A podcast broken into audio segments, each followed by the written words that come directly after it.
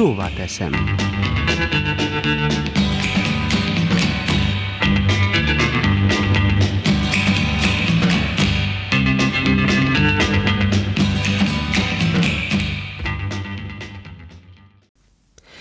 Jó napot kívánok a tisztelt hallgatóknak!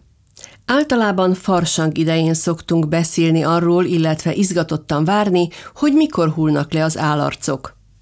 Ha őszinte vagyok, én is meg-megbámultam azokat a kínai turistákat, akik a 35 fokos melegben is védőmaszkban sétálgattak, tájékozódtak a nagyobb idegenforgalmi központokban. Mi maszk nélkül is alig bírtuk a meleget, ők pedig védték magukat. Most mi is oda jutottunk, hogy ha szükséges, feltesszük, mert saját magunkat és mások egészségét védjük. És ahogy látom, meg is lehet szokni, hiszen ha az ember kijön egy létesítményből, ahol kötelező a maszk használata, már szinte észre sem veszi, hogy az orrát és a száját még mindig fedi valami. A jelenlegi állapotok szerint még egy ideig szükségünk is lesz rá, hiszen a fertőzöttek száma napról napra nő, és már elérte a járvány ideje alatti számokat. Egyes szakemberek szerint a horvát határt már korábban le kellett volna zárni, hiszen a fertőzést sokan turistaként a déli szomszédoktól hurcolták be. Mások szerint a hatalomnak nem áll jogában az emberek bezárása, mert ez mozgáskorlátozást és ezzel együtt a szabadság korlátozását is jelenti.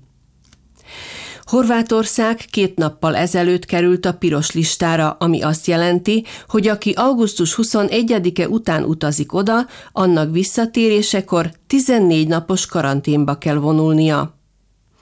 Ugyancsak sokan bosszankodnak, különösen azok, akiknek szeptemberre volt befizetve a nyaralásuk, hogy miért éppen most hozott a kormány ilyen döntést, miért éppen ők nem élvezhetik a megérdemelt szabadságukat.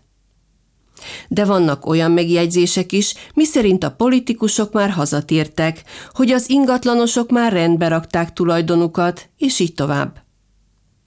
Tavasszal, amikor kihirdették a járványállapotot, egyesek ugyan bosszankodva, de mindannyian betartottuk az intézkedéseket, és sikerült leküzdenünk a vírust.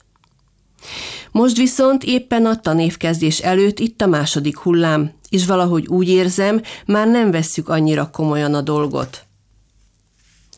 Nyáron szabadjára engedtük magunkat, ha nem is mindenki, de sokan közülünk.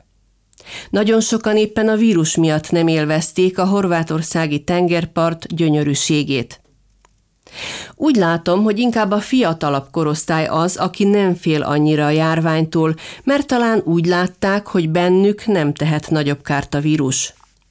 Most inkább ők betegednek meg. Többet utaznak, buliznak. Horvátországból is nagy részt ők importálták a betegséget, amit legtöbb esetben a tömegeket befogadó szórakozó helyeken kaptak el.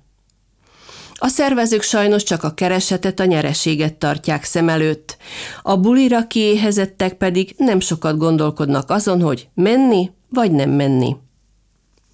Szlovéniában nagy bulizási lehetőségek egyelőre nincsenek, csak családi összejövetelekre van lehetőség.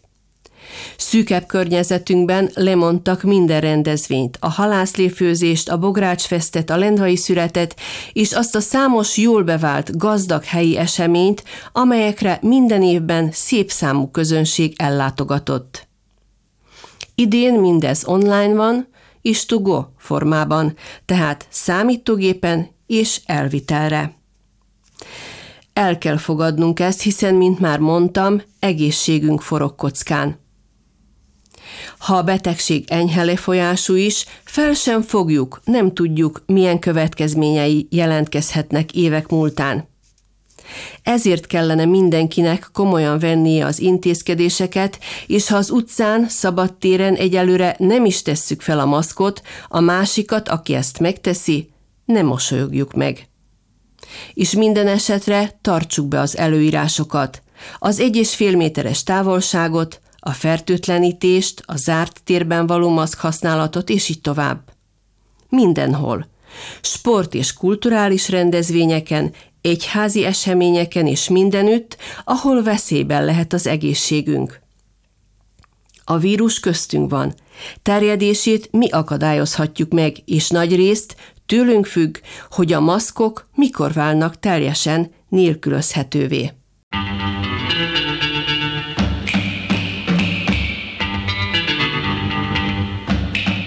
Szóval teszem.